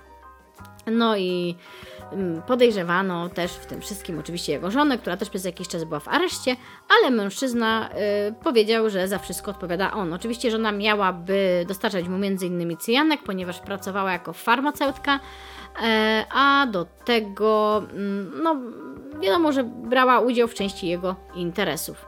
6 sierpnia 1956 roku na sali rozpraw y, krakowskiego sądu przy ulicy Senackiej E, zresztą dokładnie w sali numer 14, gdzie wcześniej skazano Ritę Gorgonową, rozpoczął się proces Mazurkiewicza. Cóż za symbolizm w tych sprawach. No a wokół procesu był szum medialny, no bo y, jakby wiecie, każda plotka się niosła, każdy chciał wiedzieć coś o sprawie. Zresztą nasz ulubiony adwokat Mazurkiewicz stwierdził, że hej, sprawdzimy jak szybko plotka po mieście się niesie i puścił plotkę. Jakoby na procesie Mazurkiewicza miał być sam Charles Chaplin. I puścił ją w południe. A już o godzinie 17 tego samego dnia plotka obiegła cały Kraków. No, więc było wesoło. Więc podobnie jak z procesem Rity Gorgonowej, yy, kolegium e, miało wydawać karty wstępu e, na salę rozpraw. Oczywiście na pierwszym miejscu miały wchodzić osoby zainteresowane sprawą zawodowo, czyli e, dziennikarze, prawnicy, psychologowie, kryminolodzy itd., tak itd. Tak bo wiecie, no to była sprawa też dość ciekawa do zbadania przez nich. No i rozbudowano tą salę rozpraw, tak żeby mogło wejść na nią aż 350 osób. Wprowadzono y, udogodnienia dla mediów, y, pojawiły się specjalne głośniki. Na, aha, bo wiecie, bo wy myślicie, że te głośniki to tak zawsze i wszędzie na tych salach rozpraw były. No, no nie były. No ale wtedy już trochę było. E, żeby każdy słyszał, co się dzieje, a każdy chciał słyszeć w ogóle. Znaczy, wiecie, tu jakby było, jeju, była budka medialna i w ogóle cuda na kiju i wszystko, żeby proces e, cały czas e, mógł wychodzić do gazet wieczornych, e, do radia i tak dalej, i tak dalej. No, było podobnie jak przy procesie Rity Gorgonowej, tylko ta technologia poszła już troszeczkę do przodu. Akt oskarżenia liczył 29 stron. I tam dokładnie były opisane wszystkie zbrodnie Mazurkiewicza. Zresztą rozprawa oczywiście od czytania tego aktu oskarżenia mm, się zaczęła. Y, więc już chyba domyślacie się, że to nie jak w sędzi Anni Marii Wesołowskiej, bo zanim on te 29 stron przeczytał, to już y, u Wesołowskiej by się proces zakończył. I Mazurkiewicza ostatecznie oskarżono o sześć opisanych wcześniej zabójstw, czyli Wiktora Zarzeckiego, Władysława Brylskiego, Józefa Tomaszewskiego, Jerzego Delewo, y, Jadwigi Delewo i Zofii Suchowej oraz y, dwa, y, dwie próby zabójstwa Tadeusza, Tadeusza Bomera i Stanisława Łopuszyńskiego. Zresztą sam Stanisław Łopuszyński w życiu później sobie całkiem nieźle poradził. E, generalnie, materiał dowodowy sprawy wynosił 5 tomów akt, 3000 stron maszynopisu i kilkadziesiąt dowodów, w tym denko i podajnik z magazynka pistoletu Walter, Walter kaliber 6,35, pociski wyjęte ze zwłoku Jadwigi i Zofii, pocisk z głowy Stanisława, łuska pocisku znaleziona w garażu, biżuteria zdjęta ze zwłok Jadwigi Delevo. No. To nie wszystko oczywiście. E, w każdym razie mm, to było, tak jak powiedziałam, podobnie jak przy procesie Rity Gorgonowej, czyli przed y, sądem zbierały się tłumy. I każdego dnia relacje odbywały się niemalże na żywo i wszystko było w radio i w prasie, w ogóle były gazety wieczorne. Hej, to były ciekawe czasy, no ale wiecie, to, to było czytane, to było czytane. E, generalnie, jeśli chodzi o znajomości Władka i jakby wszystkie mity, które wokół niego krążyły, no to prawda była dość przyziemna. On się umiał zakręcić wokół różnych osobistości, znał różnych ludzi. Wiedział, jak zbudować e, wokół siebie taką aurę tego, który wie więcej, robi więcej i tak dalej ale mm, no właśnie, to była ta aura, ale klimat w Polsce, musicie też wiedzieć, był taki, że wiecie, wychodziły te wszystkie grzechy PRL-owskie, wychodziły te wszystkie y, grzechy przejęcia różnych rządów, więc były też procesy pokazowe, więc jeśli mieliśmy już za sobą pokazowy proces Rity Gorgonowej, no to tutaj też zaczęły się pojawiać różne ciekawe historie. One były na tyle ciekawe, na tyle ugruntowane te podejrzenia wobec współpracy z UB, z milicją i tak dalej, że milicja miała tyle e, na sumieniu, że w te wszystkie plotki o tych znajomościach i pozycji e, Mazurkiewicza uwierzył nawet Marek Chłasko. E, a raczej on taki dość nieufny w swej naturze był w ogóle wobec władzy, więc no nie było też trudno od razu podejrzewać, że władza gdzieś tam paluchy ma cała Szczególnie, że tam, wiecie, po drodze mieliśmy sprawę, gdzie no, faktycznie znajomości Mazurkiewicza pomogły mu się wykaraskać. No, a w ogóle cały proces określił e, farsą w swoich pamiętnikach młodych dwudziestoletnich. No cóż, tak jak powiedziałam, tutaj się nie dziwię, zresztą tu tak dość ciekawe osobistości się spotkały, bo mamy Władysława Mazurkiewicza, wiadomo, nie? Chłop po prostu ludzi traktuje tak Puh, przeszkadzasz mi w zdobyciu hajsu, więc ciebie trochę przesunę. Na zawsze. No i jego adwokat, Właśnie, wracając do jego adwokata. Już pomijając plotkę z Czarnym Chaplinem. Wiem, wiem, już było wesoło. E, Zygmunt y, Hofmokl Ostrowski rozsławił się w 1924 roku. A czym? Otóż jeden ze świadków na sali rozpraw go obraził podczas składania zeznań. No to ten wyciągnął y, pistolet i zaczął do niego strzelać. Ale to nie mogło być wszystko, bo pan Zygmunt charakternym człowiekiem był. Między innymi w 1936 roku bronił truciciela Sosnowca Pawła Grzeszolskiego, oskarżonego o trucie talem żony i dwójki dzieci. No i przekonał sąd apelacyjny, że wyrok kary śmierci był stronniczy, bo zapadł pod naciskiem wrogiej oskarżonemu opinii publicznej. No hej, to biedny człowiek był. No, w każdym razie to tylko pokazuje, że mecenas y, Ostrowski potrafił dość umiejętnie przepchnąć to, co uważał za słuszne. No. A jeśli miał takiego obrońcę, to chyba nikogo nie zdziwi, że taki obrońca, który wyciąga broń podczas rozprawy, nie bardzo boi się jakichkolwiek pogróżek, które dostawał. Pogróżek tych dostawał sporo i przeczytam Wam tylko mm, niektóre z nich, ale to od razu mówię, że y, poza y, książką, o której Wam już wspominałam, to jest też świetna książka Cezarego Łazarewicza Elegancki Morderca i tam można sobie y, czytać te wszystkie kwiatki. E, hmm, hmm, hmm, co mu to napisano? Szanowny panie, na świecie jest wielu ludzi, którzy dla sławy dokonują różnych czynów, ale takich ludzi, którzy dla sławy bronią morderców na świecie jest bardzo mało. Ehe, hehe. Oczywiście grożono mu karą śmierci, nazywano go bandytą i tak dalej, i tak dalej. No mówię, to y, mogłoby brnąć daleko i daleko. On się za bardzo tym nie przejmował ale oczywiście z chęcią się chwalił, że takie listy dostawał. E, to oczywiście mm, Mazurkiewicz ze swoim adwokatem pasowali do siebie, ojej, jak dwa klocki Lego czy coś takiego. E, bo Mazurkiewicz początkowo zarzekał się, że jest normalny, że w ogóle mm, on nigdy nie powie, że jest chory psychicznie, bo to była jego jedyna szansa, żeby w ogóle wyjść, e, ujść z życiem, bo wtedy, przypominam, w Polsce mieliśmy karę śmierci. W ogóle odnośnie tej kary śmierci słynnej. Kiedy była amnestia później na tą karę śmierci, to mieliśmy lukę w prawie, dlatego niektórzy ludzie siedzieli tylko 25 lat w więzieniu i potem wychodzili, bo był to okres, kiedy nie było kary dożywocia. Odnośnie ostatnich afer wokół różnych ośrodków gostyńskich i tak dalej. W każdym razie, adwokat Mazurkiewicza, jak to na niego przystało, przyjął dość kontrowersyjną linię obrony. Powołał się między innymi na to, że Władek ma zeza widlastego. I tu dochodzi w ogóle do starcia tytanów. Mamy Ostrowskiego i mamy Chłaskę. To ojeju, to te, te charaktery po prostu.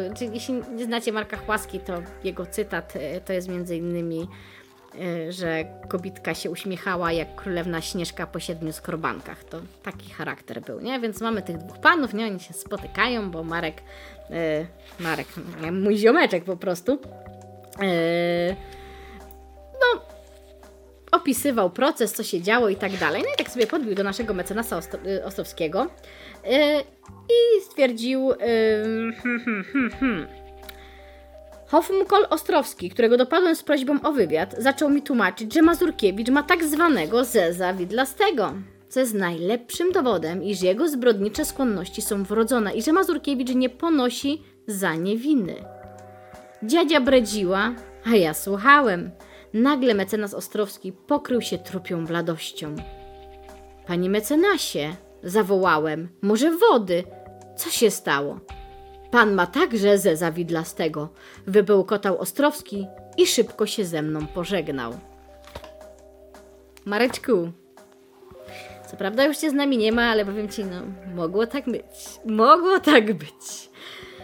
No i właśnie ta linia obrony była o wow, co najmniej ciekawa. E, generalnie, no, o, to, to, to było wspaniałe, bo Ostrowski jak gdyby był adwokatem w czasach, kiedy tak trochę rodem z amerykańskich filmów, właśnie to, co tam sobie adwokat zabajerzył, pogadał i tak dalej, mogło wpłynąć korzystnie na proces. Zresztą znacie to z seriali amerykańskich i ciągle wierzycie, że tak wyglądają polskie procesy. Znaczy nie, nie, ty nie, ty jesteś tym widzem, który myśli. Prawie tak jak ja. No, a po tych chamskich docinkach przejdziemy sobie dalej. E, mm, no i krążyły opinie, że w ogóle w to też wierzył właśnie Marek Łasko, że Mazurkiewicz pomagał władzy ludowej usuwać tych, którzy i tak nie przydaliby się państwu i w ogóle wiecie, on też tak uważał, znaczy uważał, no, po prostu był heroiczny i pozbywał świat, świat ludzi, którzy są niepotrzebni, w ogóle nie wiem o co chodzi. E, no ale niestety finezja mecenasa nie pomogła i mimo, że było ciekawie, barwnie i tak dalej, e, to proces trwał zaledwie 15 dni. Beata, jak zaledwie 15 dni? To przecież tak długo. Sędzia Anna Maria Wesołowska gorsze sprawy w 60 minut rozwiązuje. Ja wiem, ja wiem, ja wiem. Ta kobieta jest geniuszem. Ta kobieta jest geniuszem. Ale ja wam tak tylko zdradzę, że procesy trwają trochę dłużej bardziej złożone. Ale wiecie, nie donoście na mnie. Więc tak, te 15 dni w normalnym świecie to było niczym ekspres reporterów. Niczym. Nie powiem tego, bo musiałabym wejść na temat polityki. W każdym razie niektóre decyzje zapadają bardzo szybko, ja wiem, ja wiem. Ale mówię Wam, procesy trwają, a ten proces był zawiły i dramatyczny. No i mogłabym tak streszczać cały proces, bo to po prostu dla fanów procesów i występów cyrkowych i ilości zwrotów akcji. O wow! Posnęlibyście mi tutaj wszyscy, a ja bym se gadała dalej. No, w procesie było około 100 świadków, biegłych, psychiatrów, oskarżonych. Yy, ojeju, sam Władek, który po prostu uznał nagle 24 sierpnia 1956 roku, że to jednak nie on. Bo mu się przypomniało, że, że to jednak nie on zrobił. Hej, wam się nie zdarzyło. No ale niestety nic to nie... Znaczy, niestety dla niego, żeby nie było, nic to nie zmieniło. E, podczas mowy prokuratorskiej 25 sierpnia 1956 roku e, między Ostrowskim a Zygmuntem Piątkiewiczem, e, który zresztą później oskarżał Kota, mm, pojawiły się takie fajne też rozmowy. I pan Ostrowski stwierdził, że nasz biedny Mazurkiewicz w dzieciństwie yy, nie miał szans. Jak gdyby nie, nie miał szansy, zostawiła go matka, tak. I nastąpiły w nim takie poważne zmiany, które doprowadziły do tego, że popełnił te y, zbrodnie. No i właśnie, no bo to był taki o Jezu, taki kocioł super pomysłów, nie? Jak nie ze zwidlasty, to samotność i wychowanie bez matki i tęsknota za nią. Nie, nie że miał bardzo szybko, jak, czy ja nie mówię, bo zostawienie przez matkę wpływa na dziecko, ale on też y, w bardzo dobrej y, relacji był ze swoją matką zastępczą, bo użyłabym pojęcia macocha, ale pojęcie macocha w Polsce kojarzy się bardzo negatywnie. A, a ona była po prostu dla niego drugą matką i, i naprawdę ta relacja tam istniała. Zresztą na to taki mały dowodzik będzie jeszcze na końcu. No to jak nie tędy droga, no to Mazurkiewicz jednak był urodzonym mordercą cierpiącym na schizofrenię paranoidalną. Nie, jakby, a czy wiecie, bo, bo to przez tego zezawidla z tego się schizofrenia robi. U, uważajcie. Widzę, jak wam wolniej chodzi. I tak, Ostatecznie, 30 sierpnia 1956 roku o godzinie 14 ogłoszono wyrok. Mazurkiewicz został skazany na ośmiokrotną karę śmierci, przy czym pierwsze pięć zostało zmienionych na mocy amnestii na 15 lat więzienia.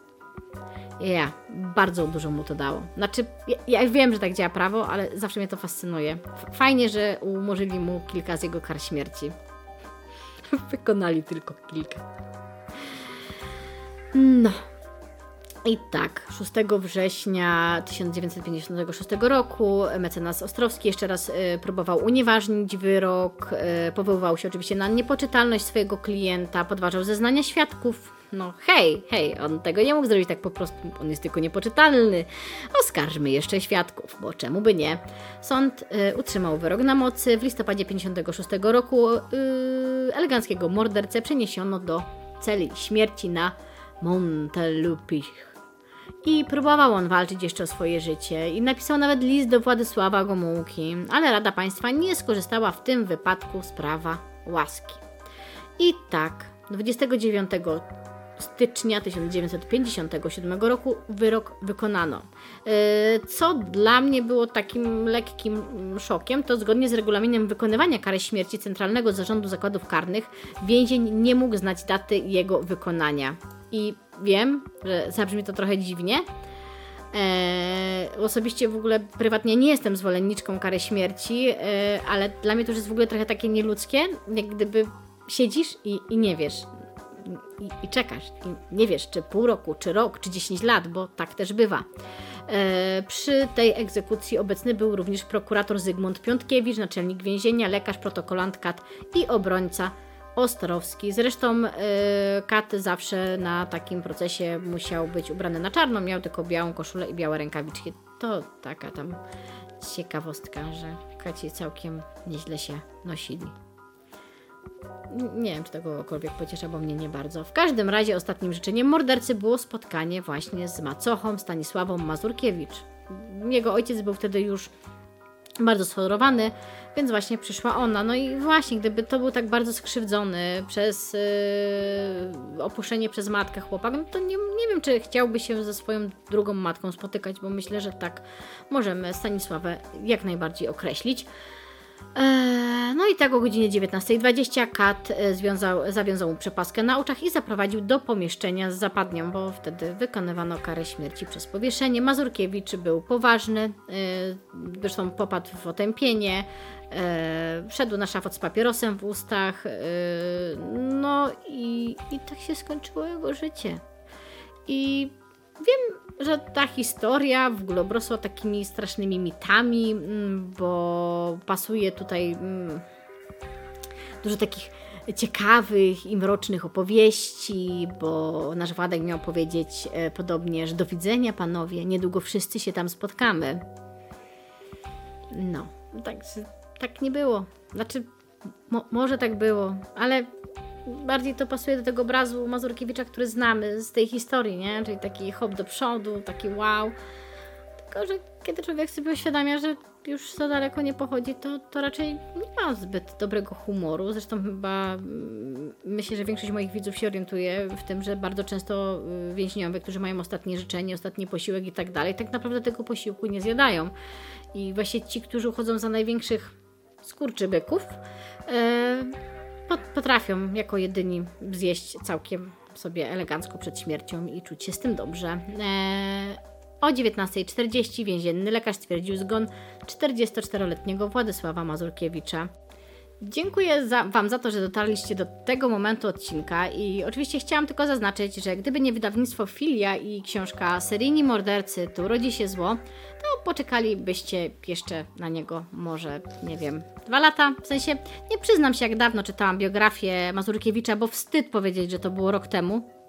Yy, w każdym razie bardzo Wam polecam, tak, myśl, myślę, że mogę z czystym sumieniem polecić e, te historie, ponieważ są pisane przez różnych autorów, w tym profilera kryminalnego e, Jacka Gołębiowskiego, a jak wiecie, jest to jeden z najlepszych profilerów w Polsce, zresztą pionierów tego zawodu u nas. Bardzo mi się spodobała historia napisana przez panią Martę Guzowską, bo jest to właśnie historia naszego eleganckiego mordercy.